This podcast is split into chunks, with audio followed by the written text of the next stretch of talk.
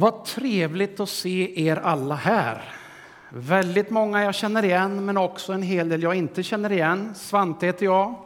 Jag är församlingens missionär och jag har förmånen att få stå här och titta på er och säga några saker under en liten stund. Men innan jag går vidare så föreslår jag att kan vi inte ställa oss upp och så vänder du dig om och så hälsar du på några stycken och ser du några du inte har träffat förut och hälsar du lite extra mycket på dem. Vad härligt! När ni har hälsat på några stycken, varsågoda och sitt. I Guds hus, där ska vi känna oss välkomna. Både av Gud själv, men också utav varandra. Och det är så för gott att säga till någon människa, kanske man känner, men också någon ny, välkommen hit. Och så ge ett leende. Adventstid och ljus är tända. Hemma så har vi tänt det andra ljuset i ljusstaken. Har ni, är det någon annan som har gjort det? Ja, det var några stycken. Andra ljuset är, är, är tänt. Advent, en tid när vi liksom ökar dramaturgin. Vi börjar med ett ljus och så fortsätter vi med andra ljuset. Och så stiger spänningen och jag kommer ihåg när jag var liten, då var det så där liksom att snart, snart är det dags. Och när fjärde ljuset var tänt, då var det inte länge kvar till jul. Känner ni igen det? Advent som eh, talar om väntan på Herren, väntan på Jesus. En lång tradition sedan många, många hundra år tillbaka där man innan jul liksom bygger upp, man ökar förväntan och man förbereder sig på att ta emot Herren och bereda vägen för Herren. Rubriken för min predikan idag det är just Bereden väg för Herren. Ska vi läsa ifrån Matteus. En klassisk text för det här sammanhanget. Matteus 21.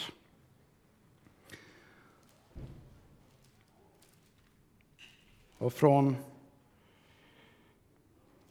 den första versen. När de närmade sig Jerusalem och kom till Betfage vid Olivberget skickade Jesus iväg två lärjungar och sa till dem Gå bort till byn där framme så hittar ni genast ett åsnesto som står bundet med ett föl bredvid sig. Ta dem och led dem hit. Om någon säger något ska ni svara Herren behöver dem, men han men han ska strax skicka tillbaka dem. Detta hände för att det som sagts genom profeten skulle uppfyllas. Säg till dotter Sion, se din konung kommer till dig. Ödmjuk, ridande på en åsna, på ett föl, ett lastdjurs föl. Och lärjungarna gick bort och gjorde så som Jesus hade sagt åt dem, och de hämtade åsnan och fölet och lade sina mantlar på dem, och han satt upp.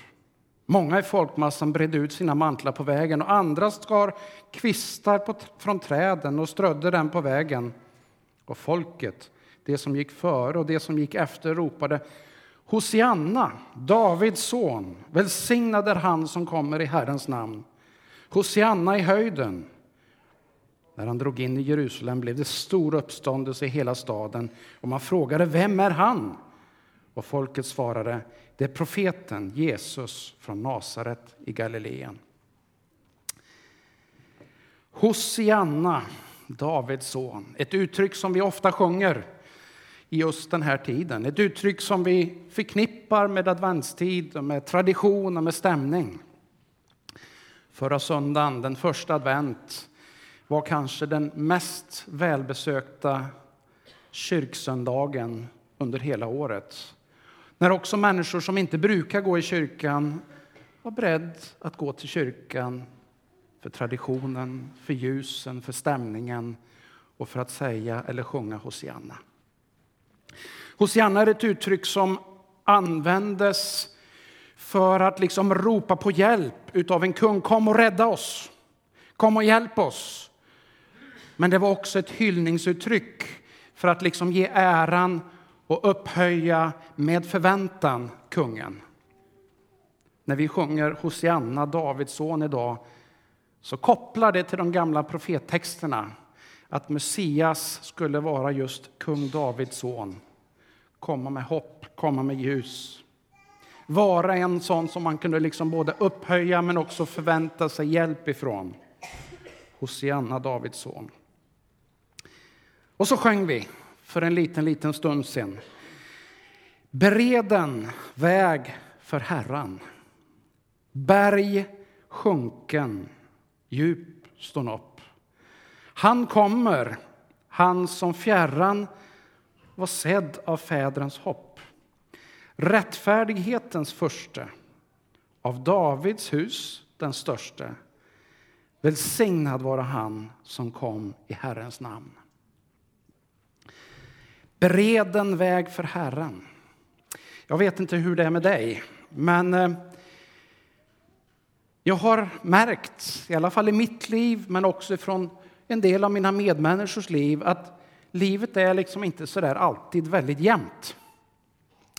Det liksom finns dalar och det finns höjder. Det finns tillfällen när man känner wow, nu är livet, livet på topp. Nu kan jag se långt och jag kan hämta inspiration.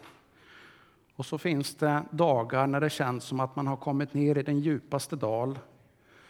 Och där finns det mycket dimma och man ser liksom ingen vart. Berg sjönk ner, dalar reser upp och bered en plats för Herren, han som kommer i Herrens namn. Jag ska göra mig ett försök av att måla bilden av Sverige.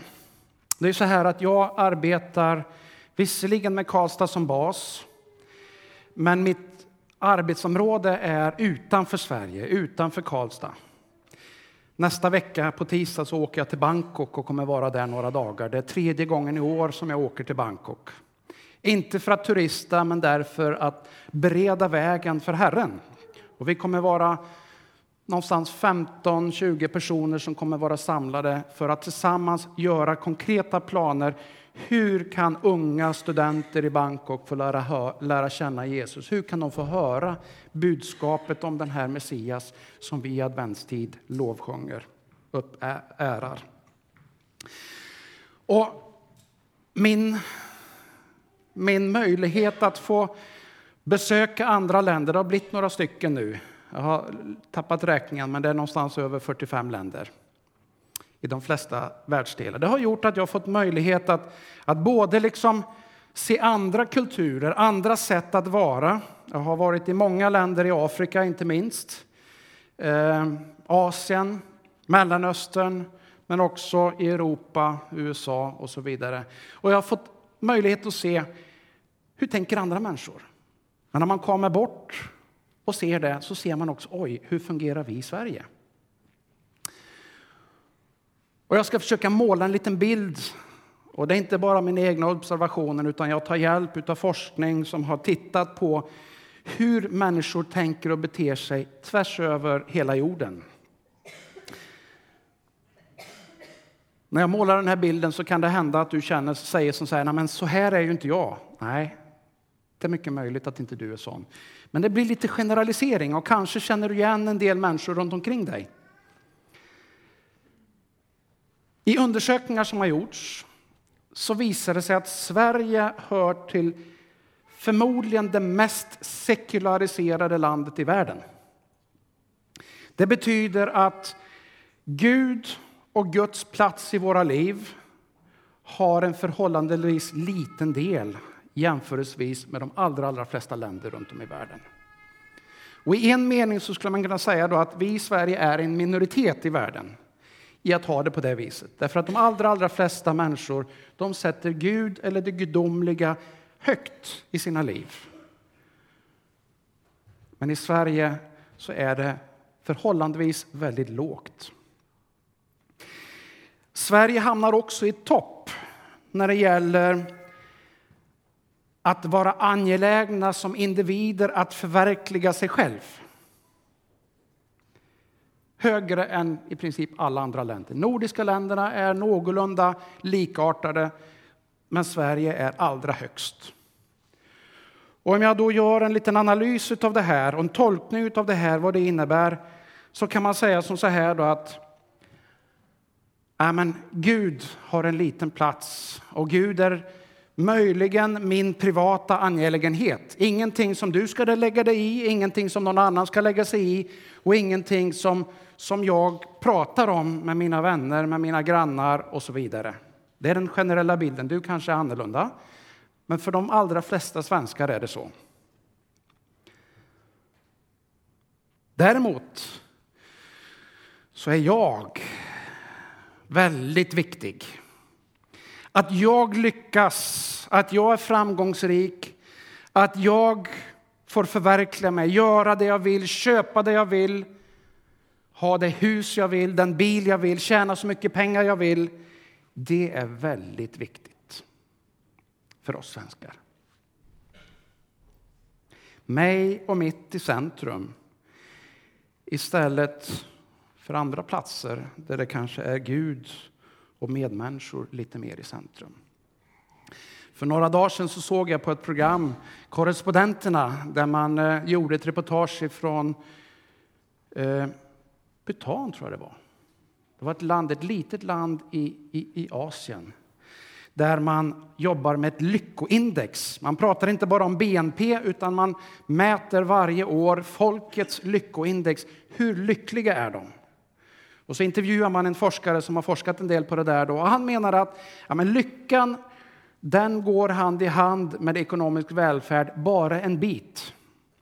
Men sen när man har fått mat, man har fått husrum, man har fått kläder, man har någonstans någorlunda drägligt liv, ja, men då hänger de inte ihop längre. Man blir inte lyckligare därför att man får mer pengar. Man blir inte lyckligare för att man har fler saker. Utan det är andra värden som är betydligt viktigare. Och så lyfter han fram att leva ett liv i ett sammanhang där man får vara till välsignelse för andra människor, där man får betyda någonting, där man får ha liksom en roll som går borta från sig själv. Det är viktigt. Då blir man lycklig.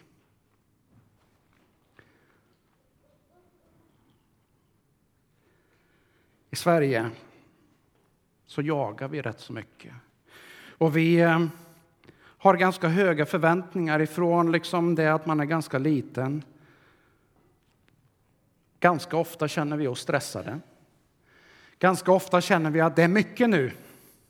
Hur ska jag orka med det här? Hur ska jag liksom fixa alla olika bollar som är i luften? Och ganska ofta tar våra relationer stryk. Ganska ofta är det äktenskap som går sönder. Relationer blir kanske flyktiga, vi orkar inte riktigt. Det här är Sverige 2000-talet. Du kan vara undantaget, men för väldigt många människor är det på det här viset. Och då är min fråga så här. Hur bereder man plats för Herren i den här miljön? Hur bereder du plats, hur bereder jag plats för Herren i mitt liv om det är så här att det liksom är så fullt upptaget med väldigt många saker så jag bara tar ett djupt andetag. Hur ska jag orka med? Ytterligare något mer att göra.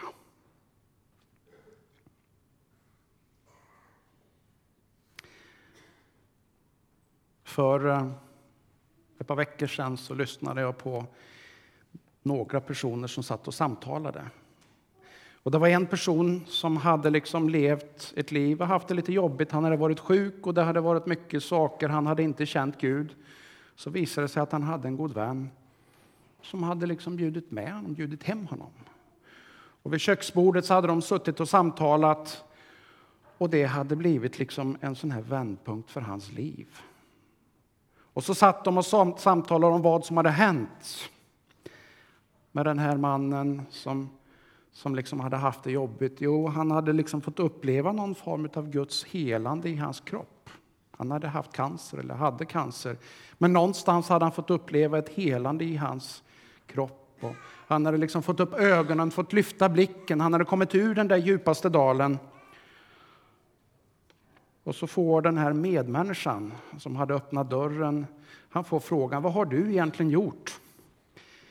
Ja, jag har inte gjort så mycket, sa han.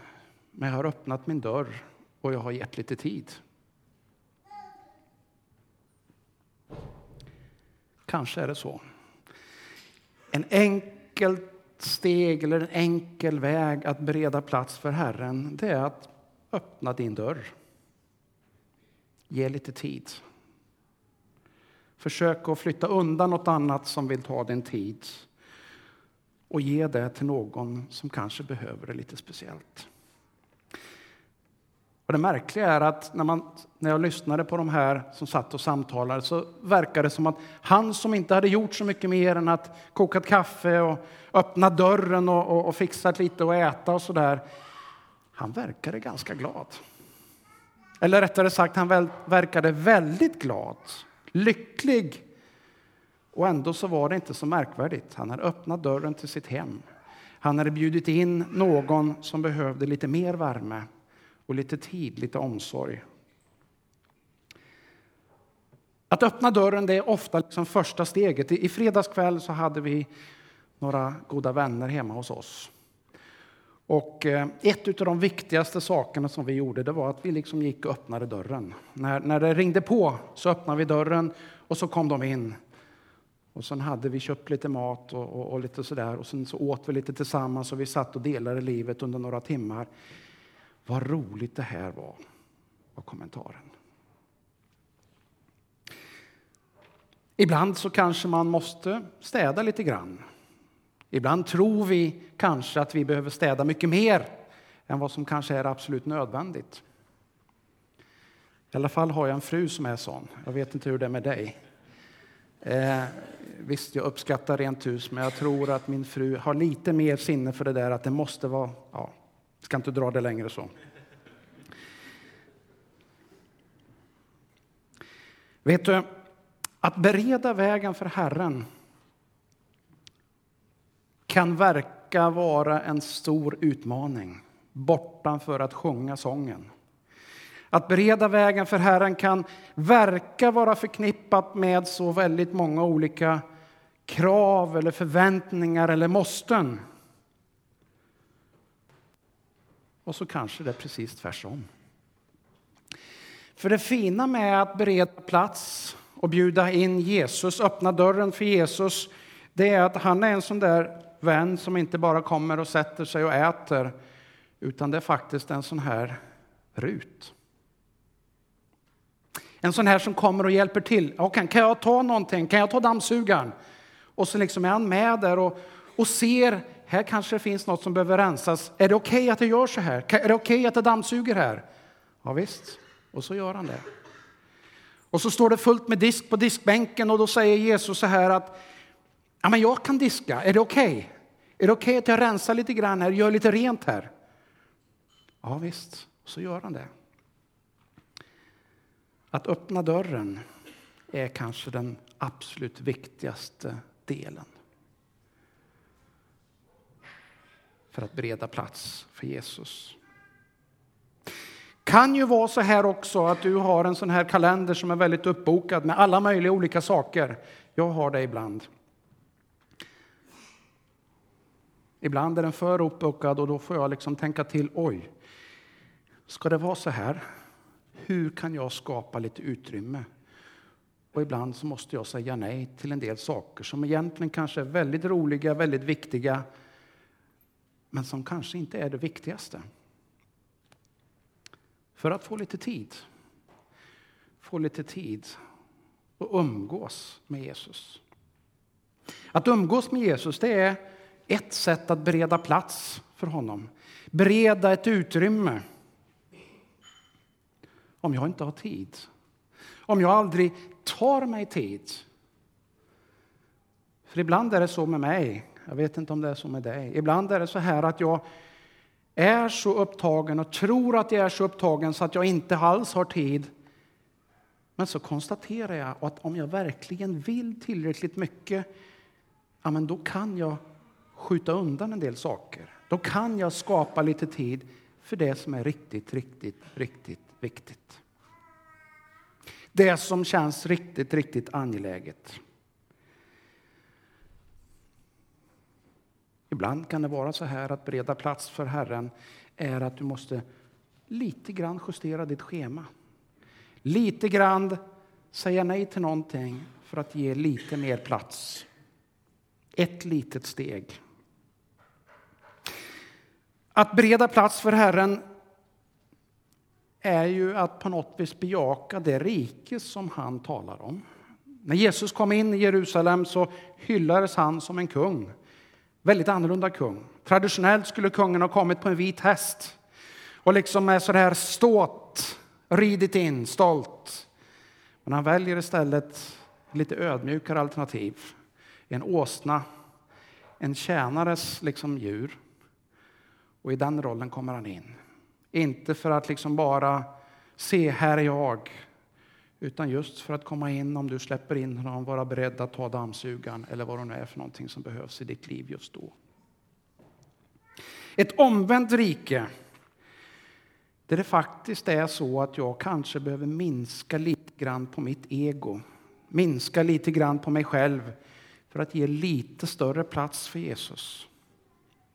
Det märkliga som händer när man gör det. Du får allt. Sök Guds rike först och hans rättfärdighet så ska allt det andra tillfalla er. Det är ungefär som att när jag skapar lite mer tid för att ge tid för Herren, då är det precis som att så mycket annat bara liksom lägger sig till plats, på plats.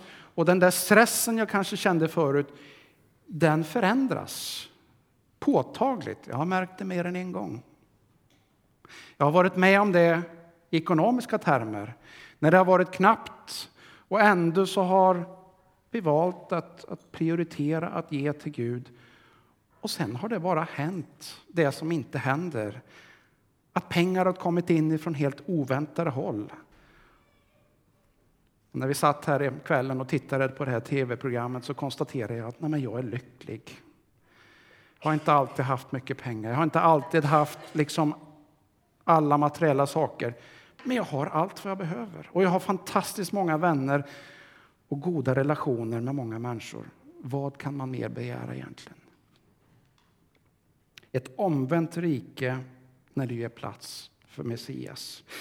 Jesus han var väldigt enkel. Han sa till tullindrivaren, han som liksom ingen annan tyckte egentligen dög någonting till. Han som var kollaboratör med ockupationsmakten.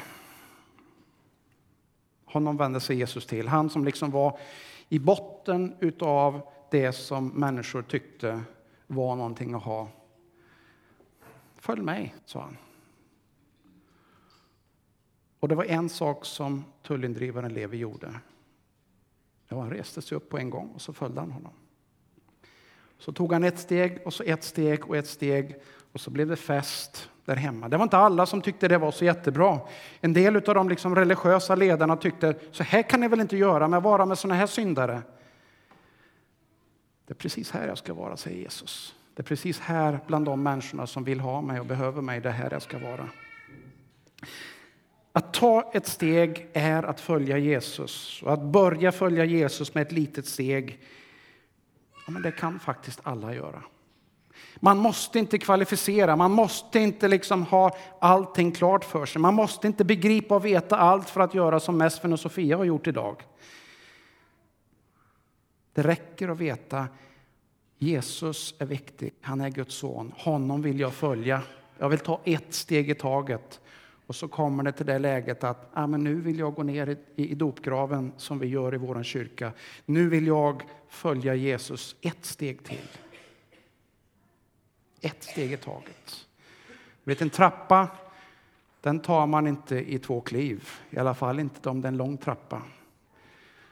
En del går långsammare, en del går snabbare, men man tar ett steg i taget, eller hur? Ett steg kan i princip alla människor ta.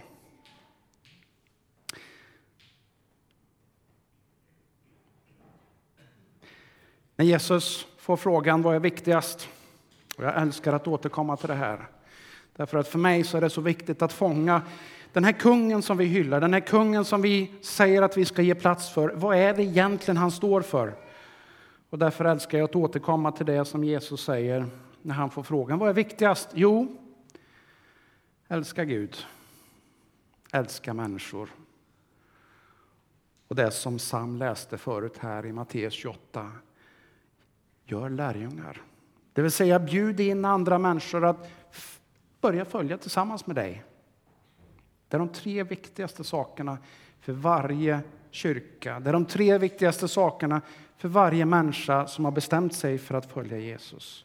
Älska Gud, älska människor och gör lärjungar.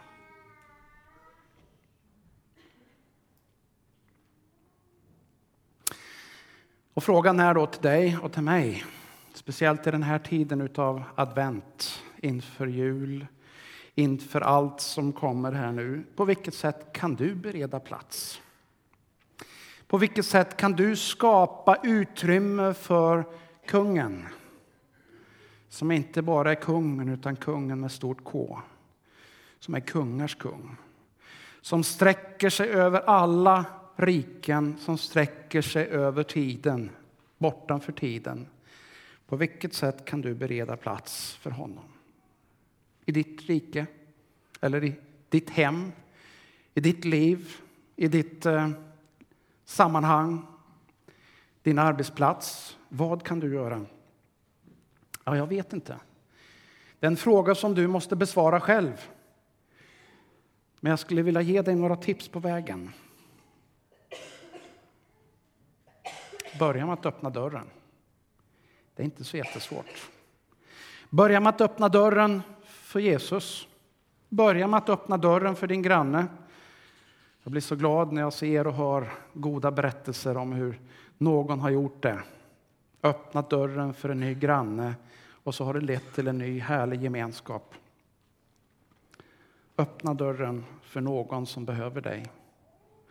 När Jesus berättar en berättelse som vi kan läsa om evangeliet så undrade människorna, men vad gjorde vi för dig? Jo, säger Jesus, när ni besökte mig i fängelset eller när jag var hungrig och ni gav mig att äta och när jag inte hade någonstans att sova och ni gav mig plats. Då gjorde ni det för mig. Öppna din dörr för någon som behöver dig. Ett handtag, lite värme, ett leende, en god bit mat, en stund att få sitta och prata. Ett sätt att öppna för kungen öppna för Messias. Förra söndagen så var jag i Uppsala där vår yngsta dotter bor och så var vi med till hennes och hennes mans kyrka där de går. Och så lyssnade jag till en fantastisk predikan och eh, Sune Nordin som predikar han uttrycker sig ungefär som så här. Utmaningen i livet är att leva för ett större syfte än dig själv.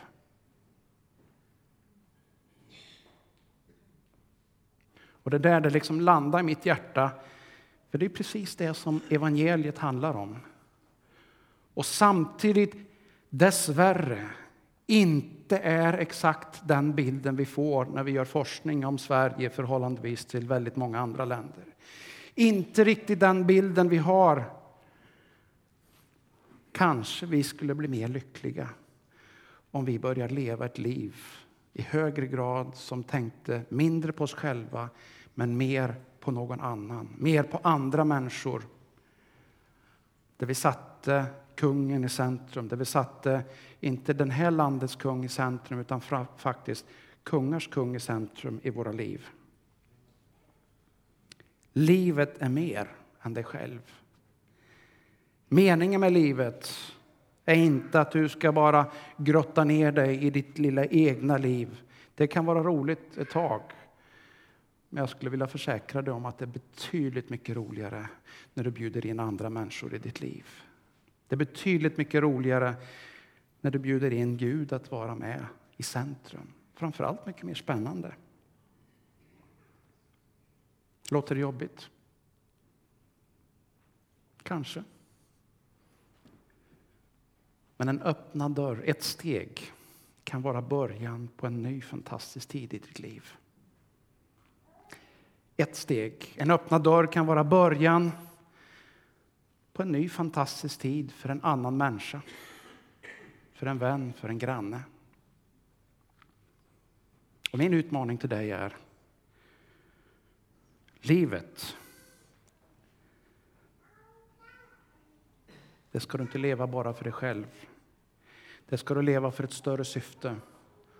Och börja ta ett steg idag. Inte imorgon, inte nästa vecka, inte när du känner för det. Utan börja ta det nu. Ta inte ett stort steg kanske, men ta ett steg.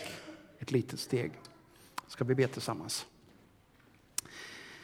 Gud i himlen, vi välkomnar dig. Du som är kungars kung. Davids son, räddaren, Messias. Vi välkomnar dig in i våra liv den här dagen, Herre. Och Gud, jag ber dig för alla mina vänner som finns i den här kyrkan eller som lyssnar på det här någon annanstans. Jag ber dig om mod att våga ta ett steg till. Ett steg för att följa dig. Jag ber dig att du skulle göra det den här dagen. Jag ber Herre om nya kontakter, nya vänskaper den här tiden i advent. Jag ber Herre om nya öppnade hem för någon som behöver det.